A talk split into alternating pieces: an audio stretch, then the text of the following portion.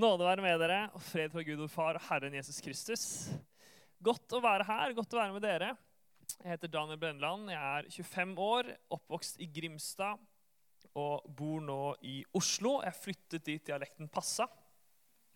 Eh, og har vært der nå i, i ca. fem år. Og det jeg har lyst til å snakke om, det er liksom kjernen av det kristne budskapet. Jeg har lyst til at vi skal snakke om, om evangeliet, de gode nyhetene. Det kommer fra det greske evangelium. Eh, og da sier vi evangeliet, de gode nyhetene. Og, og, det er det jeg å snakke om. Og hvis jeg spør dere hva er liksom kjernen i det kristne budskapet, så kanskje dere hadde klart å formulere det på et, par, på et par setninger. Hvis du hadde spurt Martin Luther for 500 år siden, så hadde han sagt ja, det er rettferdiggjørelse ved tro alene. Og hvis du, jeg tror hvis du, Noe du finner mye i vår samtid, da, i, i, kristne, sånn det ofte formidles nå, så er det at ja, du er elsket av Gud, og ingenting kan skille deg fra Gud. Og Jesus vises deg eh, sin, kjære, sin kjærlighet på korset da han døde for deg. Det er en sånn typisk måte vi ofte snakker om kjernen i det kristne budskapet på. Og så har du en karikatur av det kristne budskapet. og Du oppfører deg som en skikkelig kristen, så kommer du til himmelen. Det er kanskje sånn, sånn den liksom blir formidla litt, da, og kanskje sånn den oppfatningen folk har i samfunnet. Eh, og Jeg har lyst til å snakke om, om, om denne her eh, evangelieforståelsen. Hva er disse gode nyhetene? Hva er denne kjernen av det kristne budskapet? Og jeg har lyst til at Vi skal spørre en av de tidligste kildene vi har. For Når vi åpner Bibelen vår, så har vi jo i Nytestamentet som handler om Jesus. Og De eldste eh, liksom skriftene her, det er brevene til Paulus. De er fra 10-15-20 år etter at Jesus levde og døde og sto opp igjen. Og så har du evangeliefortellingene, som er litt senere. Og den tidligste av de den eldste, tidligste, den eldste. Det er så rart å snakke om sånn eh, tidligste, eldste-greier. Eh, Men altså, den som da ble skrevet først av disse her, var Markus-evangeliet. Og jeg tenkte Vi kunne spørre Markus da, hva er evangeliet. La oss gå til forfatteren av dette ene evangeliet og så spør vi hva er kjernen i det kristne budskapet. Og det er egentlig ganske greit, for Han begynner liksom på første, første, setning. Hvis dere har en bibel, så kommer jeg til å holde meg i Markus-evangeliet. Eh, slå opp da på kapittel 1, vers 1 så står det her begynner evangeliet om Jesus Kristus, Guds sønn. Det er jo bra. Problemet er at det står ikke her slutter evangeliet om, Guds, om Jesus Kristus, Guds sønn. Det, liksom, det, bare går gjennom hele boka. Så er evangeliet om Guds sønn. Og i første kapittel 1, vers 1 så starter det. altså. Så når Markus skal fortelle oss hva de gode nyhetene er, så er det liksom ikke en one-liner. Det er ikke sånn et vers som bare oppsummerer akkurat hva Markus mener. Nei, han har en hel fortelling. Og det er litt sånn, Vi er jo litt gode, vi kristne, på å, liksom, å finne eh, liksom, Når vi skal tale, så tar vi liksom ett veldig fint vers, og så liksom tar vi det og, og finner liksom dybde i det, og, og, og, mye fint mening i det. Og det er fordi det er en utrolig dybde. Altså Marte fortalte med, med 'Kanskje Herren' at det er en utrolig dybde da, i Bibelen. Og så tror jeg noen ganger vi, vi forsvinner for mye ned i det og glemmer å se den store helheten. For Markus er jo skrevet som én stor fortelling om Jesus. Og jeg tror noen ganger så burde vi også lese det som én stor fortelling. Det er ikke sånn at Jeg kjøper Nyar i holeboka, og så leser jeg liksom en setning, og så tenker jeg, ah, det var fint. Og så går jeg grunne på det en dag, og så leser jeg setning nummer to. Det er jo ikke, er jo ikke sånn Harry Hole-bøkene er ment, ment, til å leses med liksom en setning om dagen, men det er jo ment å, å fordøye liksom den store fortellingen. Og Det er det jeg eh, har liksom lyst til å gjøre, at vi skal nå gå gjennom Markus som helhet. Det tar ca. halvannen time å lese opp, så jeg håper barnekirkelederne har forberedt langt opplegg. Nei, eh, Men altså, vi skal ta liksom det store, hele bildet av Markus. Og I forberedelsene mine så har jeg lest gjennom eh, Markusevangeliet. I denne, jeg tror de siste ti dagene så har jeg lest det. Da leste jeg det på en time. Brukte liksom eh, 20 minutter eh, tre ganger. da. Så ble jeg ferdig med det, og så hørte jeg det også på lydbok. Eh, og da tok det halvannen time, men da skrudde jeg opp farten. Er det, er det greit? Er det greit å skru opp farten på Guds ord? jeg gjorde i hvert fall det, eh, og jeg fikk det med meg. Eh, men jeg vet vi skal ta, ta liksom Markusevangeliet. Eh, for at Markusevangeliet som helhet er det som formidler de gode nyhetene om Jesus. Så hva skjer i Markusevangeliet? Jo, det er historien om Jesus Kristus. Det er om Jesus Kristus, Guds sønn. Det starter med døperen Johannes. Første kapittel så begynner vi, møter vi ikke Jesus først, vi møter døperen Johannes som står fram og døper folk og kaller til omvendelse. Og Så kommer Jesus til Johannes og blir døpt. Og så høres det en røst fra himmelen som sier Du er min sønn, den elskede. I deg har jeg min glede. Det er det første som, eller Når du hører Guds stemme i evangeliet, så er det det Gud sier til Jesus. Du er min sønn, den elskede. Og To ganger så hører man Guds stemme i evangeliet etter Markus. Og det er Begge gangene så handler det om at Jesus er hans sønn og hans elskede.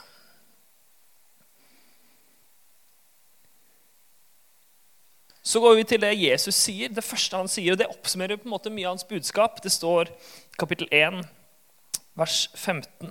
Tiden er inne, Guds rike er kommet nær. Vend om og tro på evangeliet. Og med det så er startskuddet satt. Jesus han drar da ut og forkynner. Forkynner evangeliet om Guds rike. Han debatterer med de som er enige med han. Han helbreder. Han driver med eksorsismer. Altså Han liksom får ut demoner og onde ånder. Og jeg blir overraska over hvor, liksom, hvor, Jeg tenker liksom ikke på Jesus som en som drev og kjempa mye onde ånder, men det er mye av. altså. Og Det er sånne ting man ikke tenker, tenker over når man bare slår opp en, en, tekst og leser kanskje litt fra Markus, så får man ikke med seg at ja, men Jesus driver jo ned kjempemasse. Eh, og det som er sinnssykt spesielt, er at disse, disse urene åndene, disse demonene, de har liksom catcha noe om Jesus som ingen andre ser ut til å skjønne helt. Eh, jeg har lyst til å lese fra eh, kapittel 1, fra vers 23. Nå leser jeg egentlig en ganske eh, lang tekst eh, som, som, da beskriver mye av det Jesus drev med. Og legger merke til hva, til hva demonen sier. Nå var det i synagogen deres en mann med en uren ånd. Han satte i å rope, 'Hva vil du oss, Jesus fra Nasaret? Er du kommet for å ødelegge oss?' 'Jeg vet hvem du er, Guds hellige.' Men Jesus truet ånden og sa, 'Ti stille og far ut av ham.' Og den urene ånden rev og slet i mannen, skrek høyt og for ut av ham. Alle ble forferdet. De snakket i munnen på hverandre, og de sa, 'Hva er dette?' En ny lære og med myndighet. Han befaler til og med de urene åndene, og de adlyder ham. Og ryktet om han kom straks ut overalt i hele Galilea-området. Det står det at eh, hele byen var senere i teksten, hele byen var samlet utenfor døren. Han arbeidet mange som led av forskjellige sykdommer og drev ut mange onde ånder. Men han tillot ikke de onde åndene å si noe, for de visste hvem han var. Det er sånn, Jesus er litt sånn mystisk i hele Markus-evangeliet. At han sier liksom ikke helt hvem han er. Og de som vet det, det er urene ånder og demoner. Liksom Motstanderne hans. De har skjønt at her er Guds sønn. Den hellige, den helliges Guds sønn. Det er en annen som også sier at Jesus er Guds sønn, en romersk soldat. Som jo også er liksom, okkupasjonsmakten, fienden til jødene. Da. De griper hvem Jesus er. Men noe som, som går liksom igjen gjennom evangeliet, som er en viktig liksom, rød tråd Og det er jo sinnssykt mange røde tråder, og jeg tar to av de i dag. Eh, to av de fra helheten, som er Markusevangeliet, er at Jesus han blir kalt Guds sønn. I starten, i midten og på slutten så løftes dette her opp. At Jesus han er Guds sønn. Det er liksom, jeg la merke, jeg, liksom, jeg leser teksten uten liksom noen forutinntagelser. Jeg bare leste det, og så la jeg merke til at oi, Guds sønn er skikkelig mye i starten. Og så dukker det opp i midten, på Forklaringens berg, hvis det er noen som sier, sier det noe, når Jesus og noen disipler får høre Guds stemme, og, og Jesus viser seg ja, med Moses og Elia. Og det er en merkelig historie, men Jesus blir kalt for Guds sønn. Og så også ved korset så er det en romersk soldat som sier sannelig han er Guds sønn. Og jeg syns det er litt sånn er vanskelig å gripe hva betyr at Jesus er Guds sønn. Men jeg vet noe som jeg, jeg har lyst til å si at noe som er, er godt med det, da, at evangeliet handler om Jesus Guds sønn, er at det handler ikke, det handler ikke om meg. Og det er, litt, eh, det er litt, godt. Og kanskje, Det er kanskje litt sånn vondt å høre. Det handler ikke om deg. Det, det er jo ikke en veldig en hyggelig greie. Men det, kan jo, jeg tenker det er utrolig hvile i det. da. For vi er en veldig individualistisk kultur. En ganske selvsentrert kultur.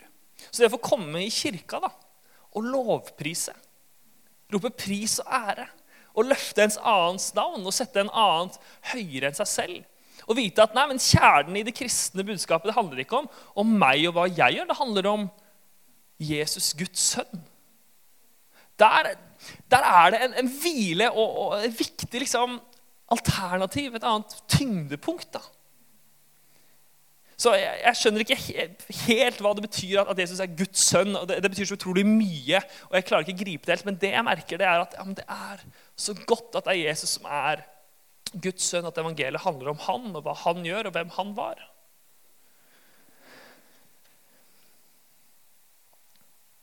Ja, La oss gå eh, tilbake til fortellingen. Det er en av de røde trådene som jeg legger merke til når jeg leser Markusevangeliet.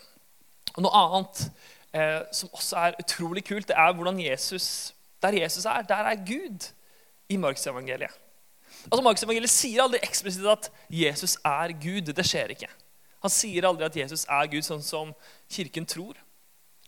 Men det er liksom hint hele veien, og ekkoer og liksom ting som viser det. Det er som, eh, Også i starten i kapittel 2 så står det om en, en lam mann som, som bæres Jesus, og de må bryte opp taket og fire han ned. Og så sier Jesus Han så vennene sin tro, de som firte han ned, og sa at dine synder er tilgitt. Og så sier folk du kan jo ikke tilgi. Det er jo Gud, det er jo Gud sitt mandat. Du kan jo ikke tilgi. Og så sier Jesus ja, for at dere skal tro at jeg kan tilgi, så sier jeg deg stå opp, ta båren din og gå. Jesus han tilgir, og Jesus han helbreder. Og det er jo, det er noe som tilhører Gud. Og det er også noe som tilhører tempelet. Tempelet var jo der jødene tenkte at der er Gud, der er Guds nærvær. Tilgivelse var jo noe man fikk der. Man ofret mat, man ofret dyr. Og der fikk man tilgivelse. Mens her er Jesus liksom et omvandrende tempel og er Guds nærvær der han er. Så er det også andre historier når han metter To ganger så metter han store folkemengder. Altså Han er jo superpopulær. Folk, det synes jeg er veldig morsomt. Altså, det står at det kommer så mange folk at Jesus og disiplene får ikke tid til å spise. De må flykte liksom, for å få i seg mat. Det er ganske ekstremt. Og, og Jesus eh, forkynner til en stor folkemengde. Mange tusen. Eh, og de har ikke mat. Og det Jesus gjør da, er at han gir brød i ødemarken. Og det er en sånn ekko da, til en gammeltestamentlig historie om da eh, Israelsfolket flyktet fra Egypt og er 40 år i ørkenen. Og det er ikke mye, er ikke mye mat i en ørken. Jeg husker jeg var, kjørte gjennom Sahara en gang på familieferie. Og da sa guiden altså hvis dere er heldige, så der så er det sand. Og i det vinduet så ser dere sand. Og der er en stein! Og der, så er det sand. Er, det er ikke så veldig mye mat. Men Gud han lot brød falle fra himmelen. Manna falt som dugg på jorden som de fikk spise. Så når Jesus er ute i ødemarken og gir mat, så er det et ekko som viser at ah, der Jesus er, der er Gud. Og Samme med Jesus som stiller stormen. I skapelsen så er det uro, det er kaos, og Gud skaper orden. Gud lar landjorda komme fram fra havet. Han stiller de kaoskreftene, og det samme gjør Jesus. Der Jesus er, der er Gud. Der Guds nærvær er, er, det er Guds nærvær. Og Jeg syns det det er sinnssykt spennende. At Jesus han liksom er et vandrende tempel. Da. Og Tempelet det er kjempeviktig for Jesus. Når han kommer til Jerusalem, så driver han jo og velter bord og jager folk ut av tempelet. For dette, her, dette skal ikke være en røverhule. Her skal det være satt av til å tilbe Gud, til å møte hans nærvær. Og Så sier han også at tempelet skal ødelegges. Dette stedet for, dette stedet for Guds nærvær det skal ødelegges. Og rettssaken mot ham så anklages han for å si at han skal bygge det opp på tre dager.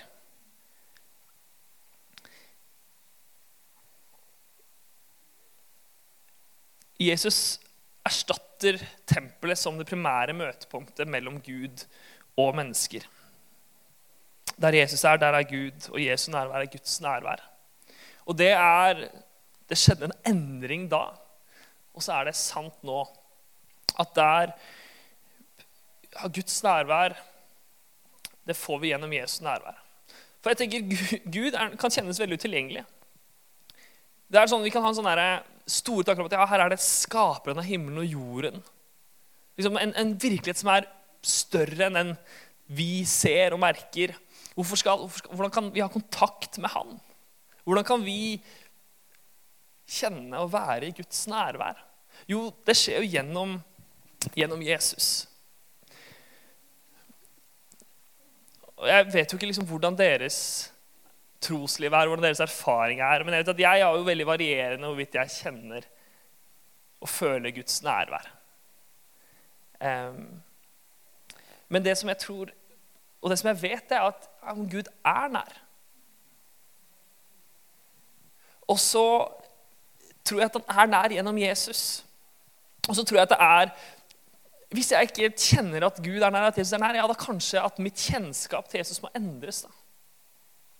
Kanskje jeg må skjønne mer av hvem han er, og hva han gjør i verden, for at jeg skal kjenne og se og skjønne at, at han er nær meg. Og Det er derfor jeg vil at vi skal, ta Markusevangeliet på alvor. da. Hele Markusevangeliet. Hvis vi leser det som en helhet, hvis vi ser ikke bare dybden i de, i de små ordene, men, men, de lange linjene, det store bildet, så tror jeg vi blir bedre kjent med Jesus. Og når vi blir bedre kjent med Jesus, så ser vi at vi blir kjent med Gud, vi blir kjent med oss selv, og vi ser hvordan han er nærværende i våre liv. Jesu nærvær er Guds nærvær.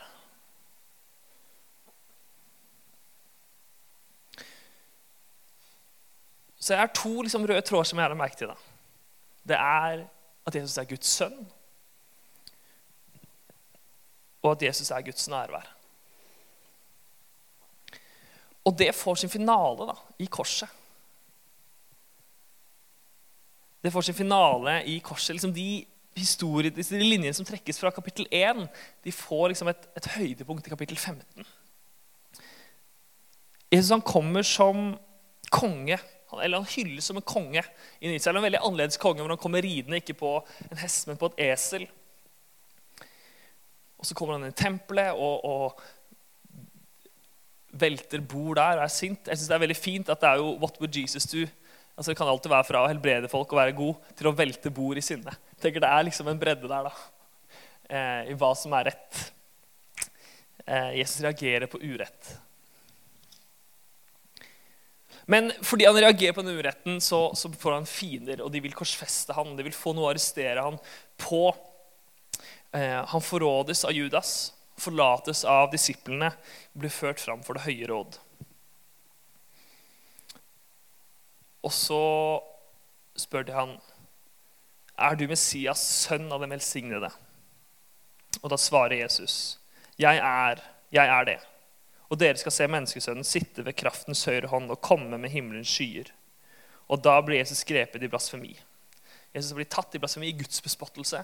Så tar de han og sier at nå skal han henrettes. Men det har ikke jødene rett til. De må føre han til Pilatus, som ender opp med, med å korsfeste Jesus sammen med to røvere. Nå vil jeg igjen lese en litt lengre del fra kapittel 15, fra vers 27 lese om korsfestelsen. Sammen med ham korsfestet de to røvere, en på høyre og en på venstre side av ham. Og det skriftordet ble oppfylt som sier han ble regnet blant lovbrytere. De som gikk forbi, ristet på hodet og spottet ham. Se nå, du som river ned tempelet og bygger det opp igjen på tre dager. Frels deg selv og stig ned fra korset. På samme måte hånte også overprestene og de skriftlærde ham og sa til hverandre.: andre har han frelst, men seg selv kan han ikke frelse. La nå Messias, Israels konge, stige ned fra korset, så vi kan se og tro.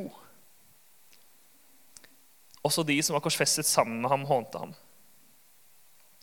Da den sjette time kom, falt et mørke over hele landet, helt til den niende time. Og ved den niende time ropte Jesus med høy røst, Eloi, Eloi, lema sabachthani. Det betyr 'min Gud, min Gud, hvorfor har du forlatt meg?' Noen av dem som sto der, hørte det og sa, 'Hør, han roper på Elia.' De løp bort, fylte en svamp med vineddik, satte den på en stang og ville gi ham å drikke. Han sa, 'Vent, la oss se om Elia kommer for å ta ham ned.' Men Jesus ropte høyt og utåndet, og forhenget i tempelet revnet i to, fra øverst til nederst. Da offiseren som sto rett foran ham, så hvordan han utåndet, sa han, 'Sannelig, denne mannen var Guds sønn.' Jeg vil lese de to, to siste versene på nytt. Jesus ropte høyt og utåndet, og forhenget i tempelet revnet i to fra øverst til nederst. Da offiseren som sto foran ham, så hvordan han utåndet, sa han, 'Sannelig, denne mannen er Guds sønn.'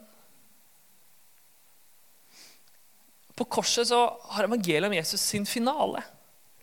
Her kommer liksom alt sammen sammen. Jesus han dør, og da revner forhenget i tempelet. Et symbolsk vis på at ja, nå er tempelet ødelagt. Dette som var det primære møtestedet mellom Gud og mennesker. Nei, forhenget er revnet, tempelet er ødelagt. Og Hengende på korset så er Guds sønn, kroppen, liket til Guds sønn. Som bare urene ånder og, og romerske offiserer skjønte hvem var.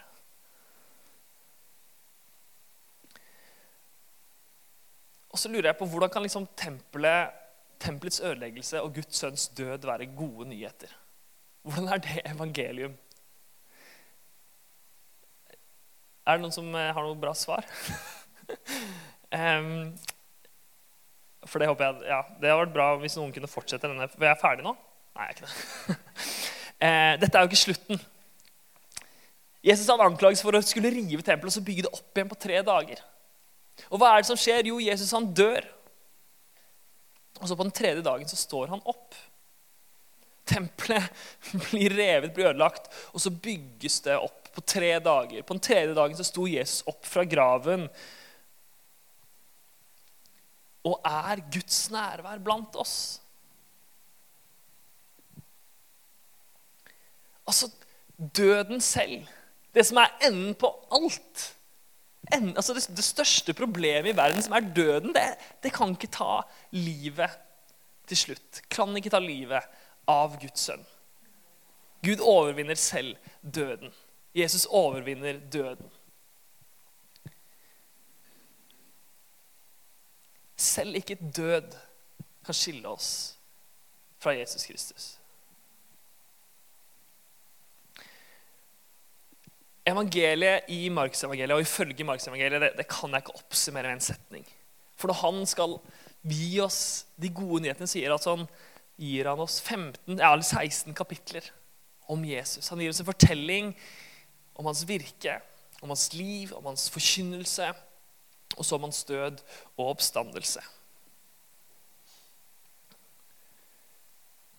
Alt han gjorde, alt han var.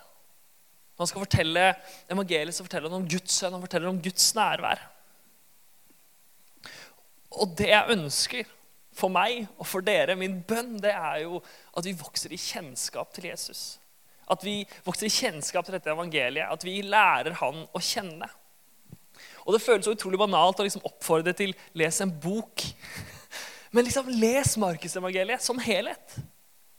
Les, liksom Sett av en time eller halvannen på lydbok til å høre i sammenheng av den store fortellingen om Jesus.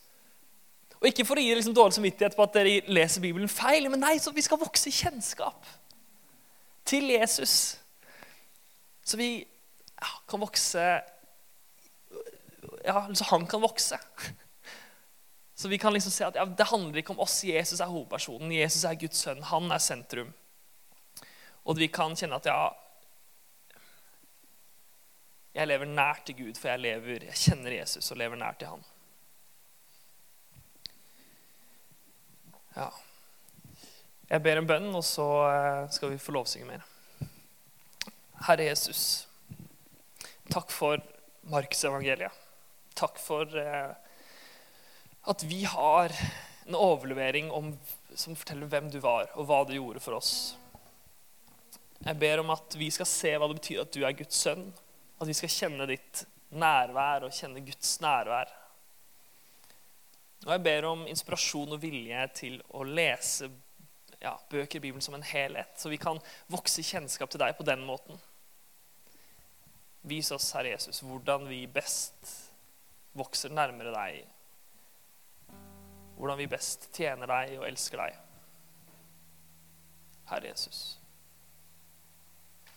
Amen.